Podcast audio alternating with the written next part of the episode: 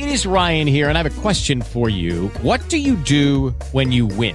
Like, are you a fist pumper? A woohooer, a hand clapper, a high fiver. I kind of like the high five, but if you want to hone in on those winning moves, check out Chumba Casino. At chumbacasino.com, choose from hundreds of social casino style games for your chance to redeem serious cash prizes. There are new game releases weekly, plus free daily bonuses. So don't wait. Start having the most fun ever at chumbacasino.com. No purchase necessary. Group. Void were prohibited by law. See terms and conditions. 18 plus. Hello, it is Ryan, and I was on a flight the other day playing one of my favorite social spin slot games on chumbacasino.com. I looked over the person sitting next to me, and you know what they were doing? They were also playing Chumba Casino. Coincidence? I think not. Everybody's loving having fun with it. Chumba Casino is home to hundreds of casino style games that you can play for free anytime, anywhere, even at 30,000 feet. So sign up now at chumbacasino.com to claim your free welcome bonus. That's chumbacasino.com and live the Chumba life. No purchase necessary. VGW Group. Void were prohibited by law. See terms and conditions. 18 plus. Xalq artisti Brilliant xanım Dadaşova. Brilliant xanım, xoş gəlmisiniz. Xoş gördük.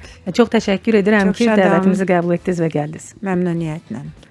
Brilliant xanım, mənim üçün Brilliant Dadaşova uşaqlıq illərim deməkdir. Yəni o ə, Azərbaycan estrada musiqisinin ən gözəl nümunələri deməkdir.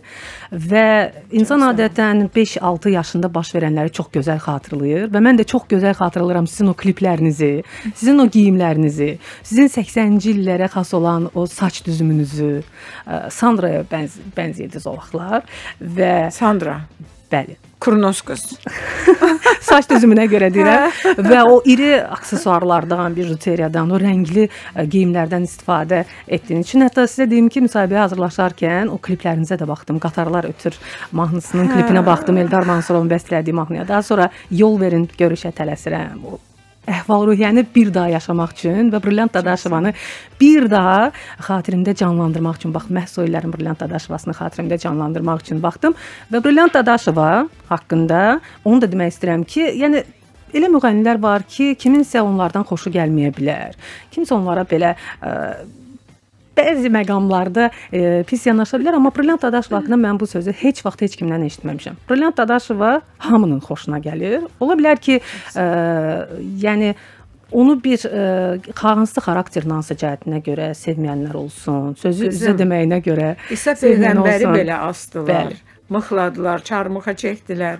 Onu belə sevməyənlər var idi. Biz insanıq, yəni əlbəttə ki, ola bilər. Gözü götürməyənlər, nə bilim, istəməyənlər, başqasının uğruna e, çox bərk kədərlənənlər. O qədər var ki, var da var. Amma ə, o dövrdə Bülent xanım yenə ə, 80-ci illərin əvvəlinə getmək istəyirəm. Siz Azərbaycan estrada musiqisinin, məhz Azərbaycan estrada musiqisinin, yəni populyar musiqinin yox, estrada musiqisinin yaradıcılarından biri idiniz. Yəni çox məşhur idiniz o dövrdə. Və səhv etmirəmsə, Bakıda ilk avtomobil idarə edən qadınlardan idiniz. Yəni Yox, ilk avtomobil idarə edən qadınlar var idi. Tanın, tanınan və sevilən qadınlardan Flora xanım idi. Mənim tanıdığım ə, bizim mənim bir dostum vardı. Biz bir yerdə böyümüşük. Onun bibisində maşını vardı Saida xanımın. Nə bilim belə az az az var idi. Mən də e, elə e, 85-ci ildə maşın aldım. E, demək bacılarımla lotereya oynayırdıq biz. E, mən kiçik olduğum üçün birinci lotereya mənə verdilər. 12 12 min rubl verdilər mənə. 12 min.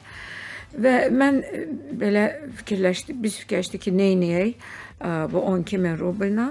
Mən dedim ki, maşın olsun çünki instituta gedib gəlirəm. 8-ci kilometrdən gedib gəlirdim instituta, İncəsənət İnstitutuna hər gün səhərlər. Hə, metroya minməyim, öz maşınımla gedim. Mən də maşına əmim oğlu mənə 10 yaşından maşın sürməyi öyrətmişdi. Dəniz kənarında əmimin maşınını, yəni biz düşmürdük oradan. Özü onun xoşu gəlirdi mənim maşın sürməyə. Gülürdü belə. Ona nəsə balaca qız maşın sürür filan. Ə, Ona görə mənim üçün çətin olmadı. Mən tez öyrəndim. fikrinizdən keçirdimi ki, yox, ə, mən başqa sahəni seçim özüm üçün. İncəsənət yoxsa elə əvvəldən Yox, bax mən e, elə ona məhtəl qaram. İndi əlbəttə daha çox e, mülahizə eləmək, daha çox yada salmaq, düşünmək e, şansımız var, kənardan baxmaq öz həyatımıza. E, bu musiqi ailəsində olduğumuz üçün bax evimizə Məlik Dadaşov gəlirdi, əmim Səlman Dadaşov, Rafael Dadaşov evimizdə idi. Axşamaca həm e, bacımın yoldaşı idi, həm əmmimiz oğlu idi. Ondan sonra Hökmə Nəcəfova atamın xalası idi. Ceyran balanı yazan, mən ki gözəl deyildim. E, kəşki gözəl olmayaydım mahnısını yazan və bir çox gözəl e, musiqiləri. Evimizdə Mirzə dayı olurdu tez-tez, Şövkət xanım, Rubaba Muradova. Yəni mənim üçün e, sənət kimi heç e, Sara Qədimova, sənət kimi fikirləşmirdim istifadə eləmək. Heç evdə də demirdilər. Tam tərsi atam deyirdi ki, Azərbaycanda e, yaxşı sənətkar ol, olmaq lazımdır. Ortabab bəsdir. Yaxşı sənətkarlar getsinlər başqa iş görsünlər. Yəni özü də ona görə konservatoriyanı atmışdı 3-cü kursdan və memarlığa getmişdi, arxitektor olmuşdu. Hə, onun belə sözünə görə yəni deyirdi ki, təqib eləyirlər, təqib eləyirlər Vaqif Mustafazadəni də o vaxtı çox təqib eləyirdilər, yadınızdadırsa, çox incidiblər onu. Hə. Və e, demirdilər, mən tamamilə başqa sənət seçmək istirdim. Amma Akif Samzadə ki, o kasetlərdə evim evimizdə mən özüm oxuyurdum kasetdə, e, yazırdım özümü, maqnitofonu qoyurdum pianonun üstünə. Yazırdım özümü və o kasetləri aparırdılar. Akif İsamzadənin xalası aparır, aparmışdı öz evinə. İş görə-görə qulaq asırmış. Mən köhnə türk mahnıları, köhnə Azərbaycan mahnıları oxuyurdum hamısını orada. Ee, o xalası gildə eşitmişdi. Mənə zəng elədi. Nəysə biz konservatoriyaya gəldik. Orada Cavan Şirquliyev, Faiq Sucədinov, orada məni apardı Rafiq Babayevin evinə. Rafiq Babayev pianoda e, müşahidə elədi. Mən oxudum Qubanın ağalması filan. Bunlar hamısı dedilər, nə darsa sən səhnədə olmalısan. He? Mən deyirəm, yox, səhnəyə yox, mənim heç qəşəng paltarım yoxdur. Səhnəyə çıxmağa mənə görməsinlər. Yox, yox, səhnə filan istəmirəm. Mən səhnəyə çıxsam gərək mənim ən gözəl playçalarım olsun filan belə fikirləşirdim. Çox estet olmuşam həmişə. Hə. Yox, yox, səhnəyə çıxa bilmərəm. Yəni evdə oxuyuram, qonaqlar gəlir öz müskilər üçün. Hı -hı. Amma böyük auditoriya üçün yo, mən kamera mənim üstümə gələndə tez üzümü çevirirdim o tərəf ki, kamera məni görməsin. Amma bu insanların təkidi ilə Rafiq Babayev, Cavanşir Quliyev, Eldar Mansurov, Faiq Sucədinov, Akif qardaşım, yox, sən səhnədə olmusan, xəbərin yoxdur. Sadəcə özündən. Sən bilmirsən sən nə oxuyursan. Ə, hətta Rafiq Babayevin anası mətbəxdən gəldi. E, dedi ki, başqa tamamilə Qubanın ağalması deyə Rafiq. Rafiq Babayev dedi ki, mən də bayaqdan bu uşaq oxuduqca mən belə fikirləşirəm. Tamamilə başqa şey oxuyur. Yəni öz improvizələrimlə, özüm düşündüyüm kimi oxuyurdum. Mən istəmirdim ki, mən belə oxuyum. Ə, sadəcə mən onu necə qavrayırdımsa, elə də oxuyurdum. Belə də bir də gördüm, o oh, çağırdı, bu çağırdı. Studiyaya çağırdılar, e, tamaşa üçün mahnılar oxudum filan. Bir də gördüm, a, məni tanıyırlar, oxuyuram. 85-ci ildə də İlk dəfə konsertimizi çəkdilər Cavanşir Quliyevin mahnılarından ibarət Bir dəfə yaşayırıq mahnısı. Oradan elə instituta gəldim, gördüm artıq hamı mənə baxır. Bir dövlət televiziyası var idi və əgər sən yadda qala bilirsənsə, sən üzün, oxumağın, xoş halı var. Yadda qala bilmirsənsə bir də 2-3 aydan sonra televizora çıxacaqsan. İnternet yox, Instagram yox, Facebook yox. Bu. Bu ümumiyyətcə nağıllar aləmi idi bizim üçün. E, və radio da e, tək radioydu. Amma bir söz sizə deyəcəm. Sizdən şikayət eləyəcəm radiolardan. Bir radio var idi, dövlət radiosu, dövlət televiziyası radiosu. Amma o radioda o qədər Azərbaycan musiqiləri təbliğ olunurdu. İndi maşallah yüzlərlə radiolarımız var və ən az da Azərbaycan musiqisi təbliğ olunur. Qoy bunu da deyim. Yoldaşım mənə deyirdi, sən canlı göndərmək olmaz. Gedib deyəcəksən nə var, nə yox hamısını. Amma bilirsiniz, e, deməsəm deyir, ölürəm, desəm öldürərlər. O məsələ mənim üçün deyilib, ona görə mən deməyə bilmirəm. Amma e, Brilliant xanım, bizdə də kifayət qədər səslənən Azərbaycan musiqisi, məsələn, Avto FM-in formatı 70-80-ci e, illərin musiqisidir və burada çox e, gözəl mahnılar təşəkkür edirik. Qız səsi yəqin elə sənin səsin olub. Çox gözəl mahnılar seçirsən. Mənə rast gələndə indi yəqin kiminsə bəxtimizdən kimsə bizə qulaq asırsa, kimsə maşındadırsa qulaq asırlar.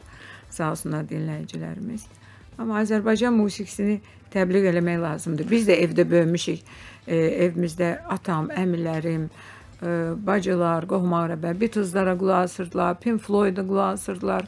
Nə bilim, e, o qədər yəni musiqilər var idi ki, ondan sonra Old Jero'dan tutmuş e, bütün caz musiqisi filan. Amma yenə də Azərbaycan musiqisi bizim ailəmizdə bizim üçün birinci sıralarda olub. Azərbaycan musiqisi e, mən fikirləşirəm ki, hər bir insan, o sadəcə mənim bəlkə e, e, xasiyyətimdən irəli gəlib fikirləşirəm ki, hər insan öz e, mədəniyyətini, öz qanında axan mədəniyyətini e, təbliğ eləməlidir. Sonra əlbəttə o birisilər e, mütləq onlar da lazımdır. Və öz mədəniyyətini mükəmməl bilməlidir Və ki, mükəmməl bilməlidir öz mədəniyyətini, öz irsi e, musiqisini, yəni irs, örf, adətləri filan. Bunlar hamısı yenə deyirəm, bizim evimizdə qulaq asılan qədər e, caz musiqisi qulaq asılmayıb bəlkə başqa evlərdə. Sizin üçün musiqi canlı bir orqanizmdir. Siz onu hiss edirsiniz. Yəni Azərbaycan ə, musiqisində, estradasında çoxsaylı müğənnilər var. İndi ümumiyyətlə onların sayı çoxdur. Amma ritm duyğusunu, ritmi sizin qədər hiss edən yoxdur. Mən belə hesab edirəm. Bilmirəm indi. Əslində musiqi sən düz deyirsən, canlı bir orqanizmdir. Canlı bizim görmədiyimiz, biz siz biz insan e, materialistik olduğuna görə biz ancaq toxuna bildiyimiz, gördüyümüz e, yəni əşyaları filanları qəbul eləyirik. Amma indi Allahın varlığına da inanırıq, inanırıq, onu hiss eləyirik amma görmürük. Elə də musiqi. Ruhumuz ondan halbahal ola bilər. Ruhumuz keçmişə gedirik. Ee, anamız, atamız yadımıza düşür, ən əzizlərimiz yadımıza, ilk məhəbbətimiz yadımıza düşür. Görün musiqinin qüvvəsinə bax. Ya da oturan yerdə belə bir musiqi eşidirik ki, a əhvalımız tamamilə dəyişir. Deməli bunun ruhumuza olan o qüvvəsi, o gücü, o təsiri biz onu görməsək də o canlı orqanizmdir. Yəni hə, amma Allah Taala bizi belə yaradıb ki, yəni biz görməliyik də, e, yəni bir şey qəbul etmək üçün. Amma nə yaxşı ki, musiqi. Hətta e, bizim müqəddəs kitabımızda Davud peyğəmbərin səsini vəsf eləyir. Səsindən danışır. Deməli bu səsin təsiri necə olmalıdırsa və yaxud azanımız belə bəlkə biz e, dərk eləmirik bunu musiqi ilə bizə şuur altımıza otur, e, oturub azanımız. Yəni insan ümumiyyətcə bütövlüklə musiqidən yoğrulub. Sadəcə bəziləri bunu ya qəbul eləmirlər, ya anlamırlar, ya intellekt səviyyəsi çatmır və ya ə, şuur çatmır ona. Amma ə, musiqi sən çox düzgün dedin, canlı bir orqanizmdir. Və musiqilərin rəngləri var. Mən onları görürəm, onları hiss edirəm rəngini. Bilməm, indi bəzən proqramlarıma baxıram, nigar köhnə proqramlarıma. E, görürəm ki, Yəni musiqi gələndə mən necə sevinirəm. Mənim necə əhval-ruhəm dəyişir. Bax mən bunu sizdə hiss etmişəm, ona görə dedim. Yəni bu Bəli. ritm duyğusu başqa heç bir müğənnidə bu qədər deyil. E, Mübariz Siz Tağıyev- yaşayırsınız o Bəli, musiqini. Mü- Mübariz Tağıyev bir gün mənə dedi ki, mən 6-8-lik bizim o rıqatatıqada raqatatıqada 6-8-lik e, ritmini çox belə basit hesab fikirləşirdim deyir. Sən vokalizi oxuyandan sonra gördüm orada nə qədər e, ritmlərin rəngləri, ritmlər dəyişir. Mən vokalizi oxuyanda studiyada özüm dayanıb nağara çalana deyirdim, bax burada tapa tapa tap burada dur məsələn burada rakata tukata takada elə. Yəni bunun hamısı e, ritm də sadəcə ritm deyil. Bunlar da hamısı qəlbin ritmi, nəbzimiz, dünya, dünyanın e, nəbzini tutmaq lazım, tutmağı bacarmaq lazımdır. Və e, baxıram e, çəkilişlərimə deyirəm, mən necə əhvalım dəyişirmiş bir musiqidən belə. E, bəzən səhnəyə içib çıxanlara və yaxud başqa vasitələrdən də istifadə edənlərə deyirəm, ay uşaqlar, musiqi özü böyük dopinqdir. Ondan güclü dopinq ola bilməz. Yəni heç bir ə, nə bilim spirtli içkilərə, başqa yollara əl atmaq lazım deyil. Bu musiqi özü dopinqdir. Onu hiss eləyin yetər.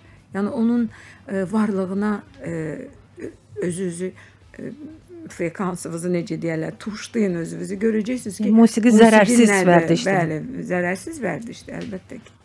Brilliant xanım, sizin ananız, xatırlayaq onu, Qız xanım Dadaşova Azərbaycanın ilk e, qadın qarmon ifaçılarındandır və dinləyicilərimizə deyim ki, ola bilər çox adam bu faktı bilmir. O olmasın bu olsun filmində toy səhnəsi var, Gülnazın toy səhnəsi və orada Brilliant xanımın anası Qız xanım Dadaşova qarmonda ifa edir, Tükazban İsmailova ifa edir və ə, Əminə Dilbazi də rəqs eləyir. Təsəvvür edin, gör necə sənətkarlar bir filmdə toplaşıb. Bilirəm ki, siz ananızı erkən yaşlarında itirmisiniz, amma hər halda xatırlayırsınız.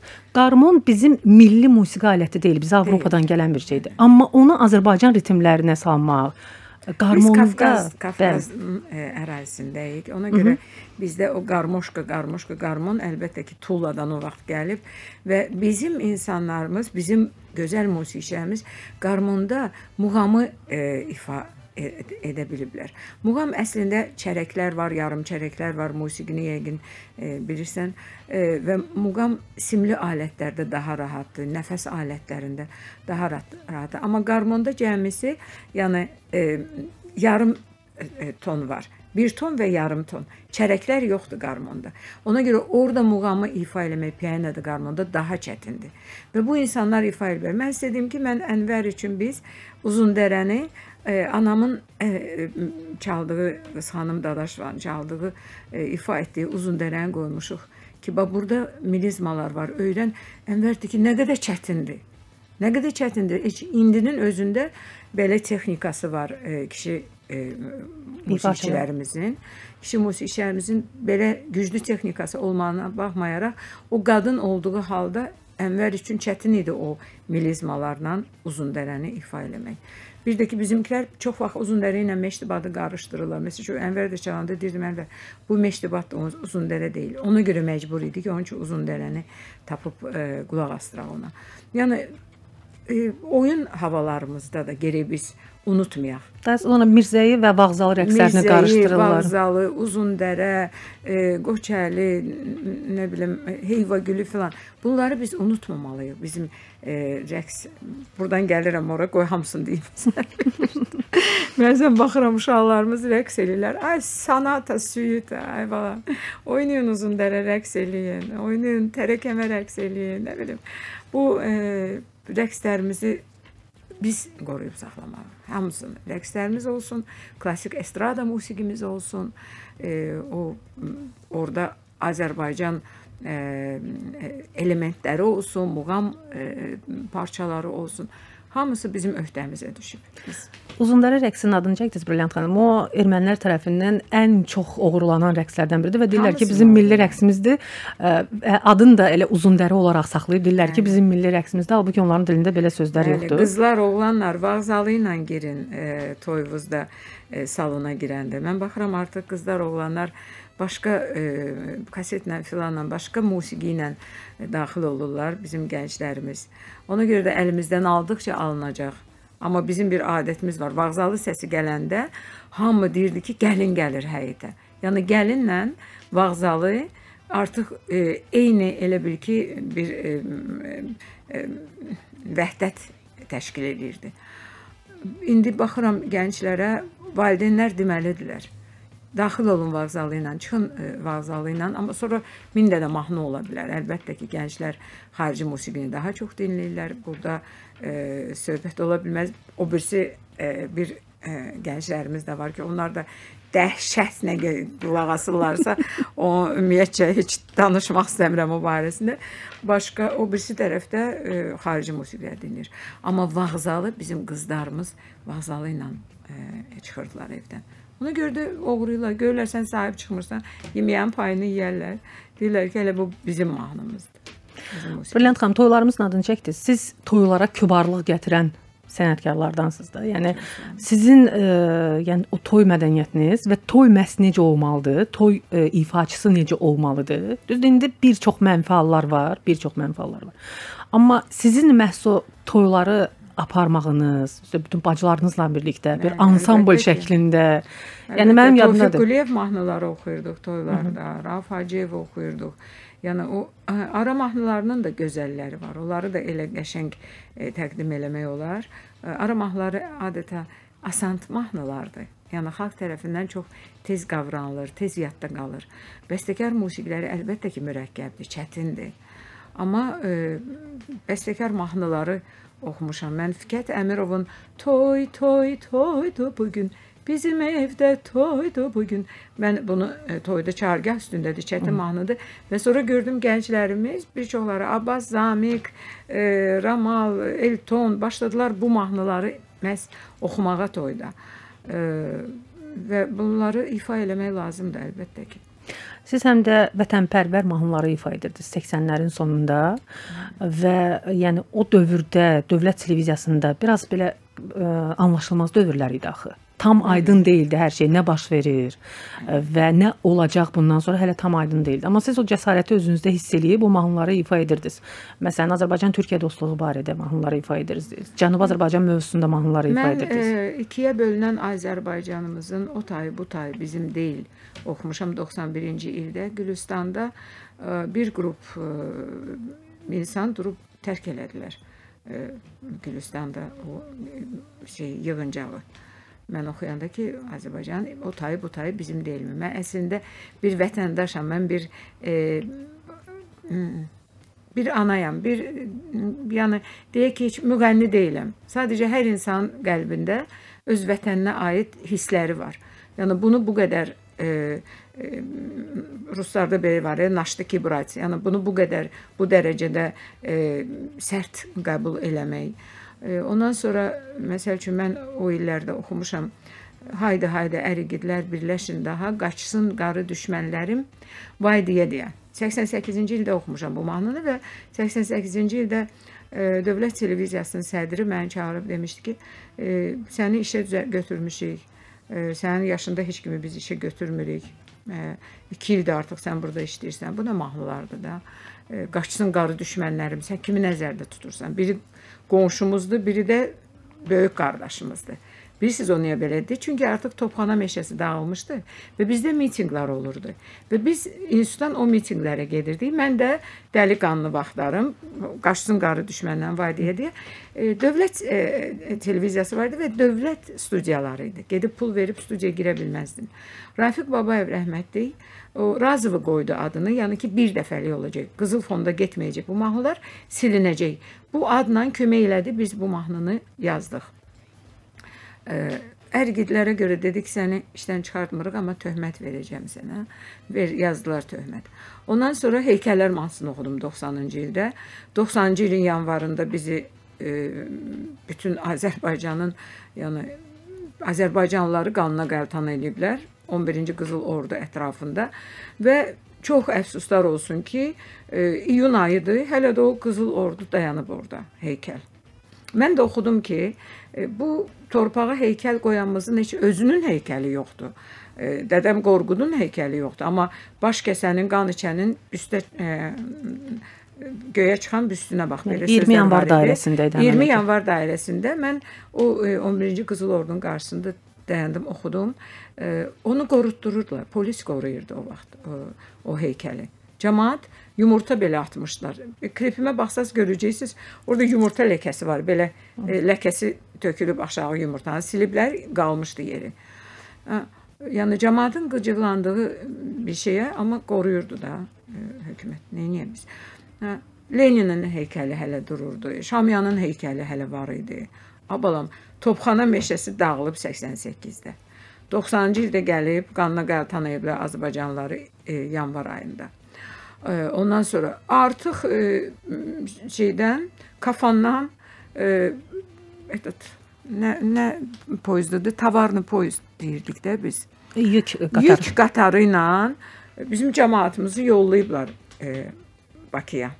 Mən uşağı dünyaya gətirəndə orada qız var idi. Dedi 11 nəfər biz bir maşında gəlmişik. Sideniyaları çıxartmışıq, oturaqları.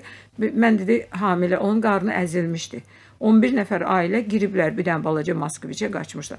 Abalam bu cəmaatımız qaçıb. Burdan 90-cı il olub artıq. Sən bu niyə qo- qorutdurursan bu 11-ci Qızıl Ordunu bizi qıcıqlandırsan? Onu, Şamyanın heykəlini, Lenin heykəlini. Mən də dayandım orada, dayandım orada. O birisində, hamısında çəkildim. Hə, ondan sonra 91-ci ildə puçya oldu. Təzədən Sovet hökuməti qayıdırdı. Hamı mənə zəng eləyir Qomağrəbə. Sən gedirsən ha əli, xəbərin var. E, bunlar qayıdılar Sovet hökuməti. Hə. Nəysə bax belə zarafat, yarı zarafat, yarı gerçək deyirlər. Mən də mübarizə aparırdım. Bu mənim cəbhəm idi. Öz cəbhəmdə, musiqi cəbhəsində mübarizə aparırdım. Gecə oxud verdilər, oxudum e, heykəllər mahnısını, klipini. Səhər hamı yığılıb televizorun qabağına, Pirşağıdayıq, yay vaxtıdır. E, gözləyirlər ki, təkrar olacaq. Proqram təkrar getmədi. Hə, nəysə çağırdılar məni təzədən Azərbaycan Dövlət Televiziyasına. Bir dənə də töhmət onda aldım. Amma yenə çıxartmadılar məni işdən. Sağ olsun cəbhə gəldi. Mən elə bildim ki, mən də mübarizə aparmışam. Ən mübariz mahnıları mən oxumuşam. Cəbhə gəldi, evdə pulumuz yoxdur, getmişəm maaş üçün dilə səni işdən çıxartmışıq. Bəs məni niyə işdən çıxartmısınız? Ən ən mübariz mahnıları mən oxumuşam. Üçün işdən çıxartmısınız məni? Nəysə, ulu öndərimizin bu il indi 100 illiyidir, söz vaxtına çəkir. Yəni e, biz bunu unutmayacağıq. E, ulu öndərimiz gələndən sonra mənə Babək adında e, sədr zəng elədi dedi ki, ulu e, o vaxt ulu öndər demirdilər, Heydər Əliyev dedi. Deyib ki, bütün işdən çıxardılmış ziyalıları qaytarın işə. Hə, belə mən çox sevindim. E, təzədən məni Azərbaycan Dövlət Televiziyasına işə götürdülər. E, çünki az çox maaş idi də, yəni çətin vaxtlar idi. İndi də elə asan vaxtlar deyil. Maaşa həmişə ehtiyacımız var. İndi bizə maaş vermirlər Azərbaycan Dövlət Televiziyasından. Qoy onu da demiş olum. Hə, amma e, yəni demək istəyirəm ki, bu da bizim cəbhəmiz idi də. Biz vuruşurduq və bu bu kişi gəldi, yəni bu Heydər Əliyevin gəlməyi ilə bizim tamamilə əhval-ruhiyyəmiz dəyişdi. Yəni özümüzü lazımlı hiss etməyə başladıq. Bizə ehtiyac var deyə hiss edirəm. Bilirsiniz bu insan üçün nə qədər böyük bir göstəricidir. Bir sənətkar üçün sən hiss eləyəsən ki, sənin səsinə, sənin sənətinə ehtiyac var. Mən indi əlbəttə ki, bu bəzi tamaşaçıları görürəm, bir çox tamaşaçılar elə onlar üçün də oxuyuram. Çünki görürəm ki, onlar yazıqlar nəyə qulaq assınlar? Necə mən, onlar da elə mənim günümdədirlər də. Instagrama ora bura giririk, vaxtı qulaqlarımız rak oldu bu nə musiqilərdir deyirik. Hə, e, və ehtiyac olmaq bir də mən canlı e, ifa elirdim e, stadion konsertləri. İndi tapırıq hamısını yavaş çıxardırıq. Nə bilim, Yevlax var əlimizdə, Gürcüstan var, e, Xaçmaz var, Gəncə var, e, var da var, Naxçıvan var. E, və o canlı insanlarla canlı təmasda olmaq, təzə qaçıb gəlmişlər. Yurtlarını məcbur e, tərk eləmişlər. O insanlar onda indi Facebook, Instagram insan başını qatır. O vaxtı o dəstək idi. Mənim o rayonlara getməyim, e, insanlarla e, təmas olması. Saat e, axşam 7-də başlamalıdır konsert, 6-da başlamalıdır. Hava qaralsın, e, fişəng atacaqlar. Ona görə axşam başlayırdıq. Saat 2-dən 3-dən görürdüm ki, stadion doludur, insanlar gözləyirlər. Bəzən deyirdim, buraxın qoy indi çıxın. Deyirlər, yox, hava qaralsın, sonra fişəng falan olsun. Yəni demək istəyirəm ki, bu və bunlar hamısı təmənnasız olub. İndi hamıya deyirəm kim ki deyir, neyniblər qa- oxuyub pul qazanırlar. Xeyr. Nə radio, nə televiziya, nə o xalq konsertləri heç birindən bir quruş pul qazanmamışam. Heç birinə də hamısına təmənnasız. Tam əksinə xalqımızın toylarına gedib oradan aldığım pulla mahnılar yazdırmışıq. E, platiyalar almışam səhnə üçün. Çünki mən estetəm. Mən xoşlayıram ki, mən e, mən geyinməliyəm də, mənim xoşum gəlir bu. E, Yəni tək səs deyil, tək oxumaq deyil, tək qarmoniyalar, ritm. Yəni müğənni Ə, səhnədə mu- gözəl görünməlidir sözün bütün mənalarını. Yox, Həm gözəl görün, baxımından, indi həm- gözəllik yox. Bilirsiniz, gözəllik hamı e, Barbara Streisand oxuyanda burnunu əməliyyat da elətdirməyib. Mənim üçün dünyanın ən gözəl qadınıdır. Onun səsini eşidəndə mən onun üzünə baxanda deyirəm, ay Allah, sən necə gözəllik yaratmısan. Halbuki onun burnu, məsəl üçün e, başqası olsa tez gedib o burnu kəsdirərdi. E, yox, gözəllik gözəllik qəlbində olmalıdır. Amma sadəcə mən o xoşlayırdım da, yəni e, platiyalarıma da çox pul gedirdi. Mahnılara da, studiyalara da, musiqi də, aranjmanlara, Onlara adını tapırdınız yer gəlmişkən Brilliant xanım o geyimləri. Hələ o geyimləri ondan danış da. Necə çətin idi. Bizim yahudilərimiz bir çoxu Bakıda idilər. Onlar gətirirlər İsraildən, Amerikadan, e, alverçilər satırdılar e, paltarları. Ondan sonra komisyon mağazinlər var idi, tək-tük. Özüm seçirdim, baxırdım. 8-ci ildə birinci konsertimdə dedilər ki, Rafiq Babayev rəhm, rəhmətli zəng edir dedi ki, deyirlər ki, aff etməm asla səni olmasın. E, elə bil ki, qıcıq veririk. Türk mahnısıdır. Topxana meşəsi olub axı. 88-ci ildir. Dedim, niyə Rafiq mən onda istəmirəm solo konsert. Deyir, bu uşağın bir kaprizləri ilə biz bilmirik də nə edir. Dedim, cəmi 8 dənə mahnı var. Birini çıxardacaq, üstünə qalacaq. Fikir versəz konsertdə yazılıb bağışlamaram. Aff etməm asla yazılmayıb. Bağışlamaram. Görün biz Azərbaycanlılar Ay balam, topxananı dağırdıblar. Bizim ciyərimizi çıxardıblar. Artıq qaçqınlar gəlir. Biz yenə yazırıq, bağışlamaraq ki, bağışlamaram yazırıq ki, güya ermənini qıcıqlandırmayaq. Bax belə günlər yaşamışıq. Və mən o vaxtı Rafiq Babayevin təkidi ilə çəkildim mahnı. Çünki mən dedim ki, mən onda istəmirəm e, solo konsert. Bunları mənim kaprizim kimi qəbul edirdilər, amma bu mənim xarakterimin göstəricisidir. Heç bir kaprizlə əlaqəsi yoxdur. Çünki mən qəlbimdə ömür boyu türk oğlu türk olmuşam. Və necə evdə məsəl üçün balaca olanda atama deyirdim: "A, bunlar bizim kimi oxu, bizim dildə oxuyurlar." O kasetlərdən, e, türk kasetlərindən deyirdi, bizim dildə oxumurlar. Biz onların dilində danışır türk. Amma məktəbdə bunları danışmaq olmaz, belə deyirdi. Atam demiş ki, Zəngəzur yalısından danışmaq istəyirəm. Bilmirəm sizdə var o yoxdur, yoxsa yoxdur. Varınızdır Zəngəzur yalısı. Böyük ehtimalla var. bir erməni qonşumuz var idi, gəlirdi bizə. Atamla nərdə oynayırdılar. Sonra atam pianoda bir yallı çalırdı, ifa edirdi. Deyirdi ki, Sergey, bu musiqinin adı Zəngəzur yallısıdır. Bunu mən bəstələmişəm 50-ci illərdə. Zəngəzuru sizdən abratla geri alacağıq. Sergey də gedirdi, ondan sonra arvadı gəlirdi, yoldaşı Tözrenya. Deyirdi ki, Axçı, atan nə deyir, mənim əlim gəlir, valeriyanka içir evdə. Deyirdim, bilmirəm, nerede oynadılar. Niyə dişiş tutan bula? Deyirəm ki, niçvo o atam çaldı dedi ki, Zəngəzur ya. Hə, başa düşdüm. Hər dəfədə bu Zəngəzur nə yaxşı ki, atam bu cəsirgec o Zəngəzur yalısını çalırdı ki, pianoda ki, mənim yadımda qaldı. Çünki heç bir yerdə yoxdur. Zapislərdə yoxdur, heç bir yerdə yoxdur. Atam əlbəttə bunu Sovet hökuməti vaxtı ortaya çıxarda bilməzdi. Elə Zəngəzur yalısı necə bəstəlib 50-ci illərdə biz indi anlayırıq ki, onların nə acısı olub, nə ağrısı olub, nələri onlar danışa bilməyiblər. Amma nələr baş verib ki, 50-ci illərdə bu insan Zəngəzur yalısı bəstələyib. Və nə yaxşı ki, bu gün də, bu günlərdə artıq mən onu ifa elədim. Bax əsl vətənpərvər olmaq da bu deməkdir, Brilliant xanım. Yəni Azərbaycanın bütün ağrısını, acısını hiss etmək, harda doğulmağından asılı olmayaraq. Fərq etməz Bakıda doğulmusan, yəni əslən Bakılısan və yaxud da hansısa bir bölgəmizdənsən, Əlbəttə Azərbaycanın ki. bütün ağrısını, acısını özündə hiss etmək. Əlbəttə, bəlkə də bəlkə də o söhbətlər istər-istəməz mənim şuur altıma yerləşirdi. Bilirsiniz, bəlkə də onu təmiz demirdilər, məsəl üçün açıq danışmırdılar, amma şuur altına yerləşirdi deyə bu Zəngəzur yallısı da e, atamın ifalarından belə yadımda qalmışdı. Nə qədər yadımda qaldı, o qədər musiqiçilərə öyrətdim. Çünki notları yoxdur, yazılmayıb. E, və sadəcə mənim bax bu xatirələrdən yadımda idi. Vüqar Əhməd sözlər yazdı, dedim professor. Sözlərini siz yazın. Özüm də biraz əlavə elədim orada. E, qaytararıq yoluna nur, gözəl Zəngəzur. Haqq yerini tapacaqdır, göyərçinim uçacaqdır. Qaytararıq yoluna nur, gözəl Zəngəzur. E, yəni dədə babamızın o ağrılarını bu gün artıq çox şükür olsun ki, biz ölkə olaraq, ölkə başçımız yavaş-yavaş həyata keçirir. Artıq bu yəni o siqnallar gəlir, bu söhbətlər artıq aramızda gəzir. Nə gözəl ki, biz bunu rahat danışa bilirik.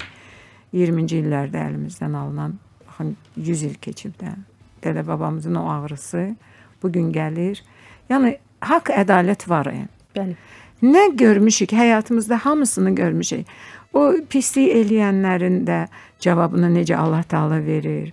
Başqasının haqqına girənlərin də, şər böhtan atanların da vallah billah mən həmişə deyirəm ki, heç vaxt qarğış eləməyin. Allah özü cavabını hamının, hər kəsin cavabını gətirir. Allah özü e, cavabını verir onların. Çox sağ olun ki, dəvətimizi qəbul etdiniz, gəldiniz. Minnətdaram. Mən sizə can sağlığı arzu edirəm. Mən də sizə. Və bu Çox pozitiv, bu gözəl, bu həyatsevərlik əhvalında həmişə qalmağı arzu Çox edirəm. sağ olun. Ə, musiqini necə ki canlı orqanizm kimi qəbul edib, o ritmini hiss edib, musiqini hiss edib yaşadırsınız və yaşayırsınızsa, elə belə də davam etsin. gözəl. Purchase new wiper blades from O'Reilly Auto Parts today and we'll install them for free. See better and drive safer with O'Reilly Auto Parts. oh, oh, O'Reilly Auto Parts.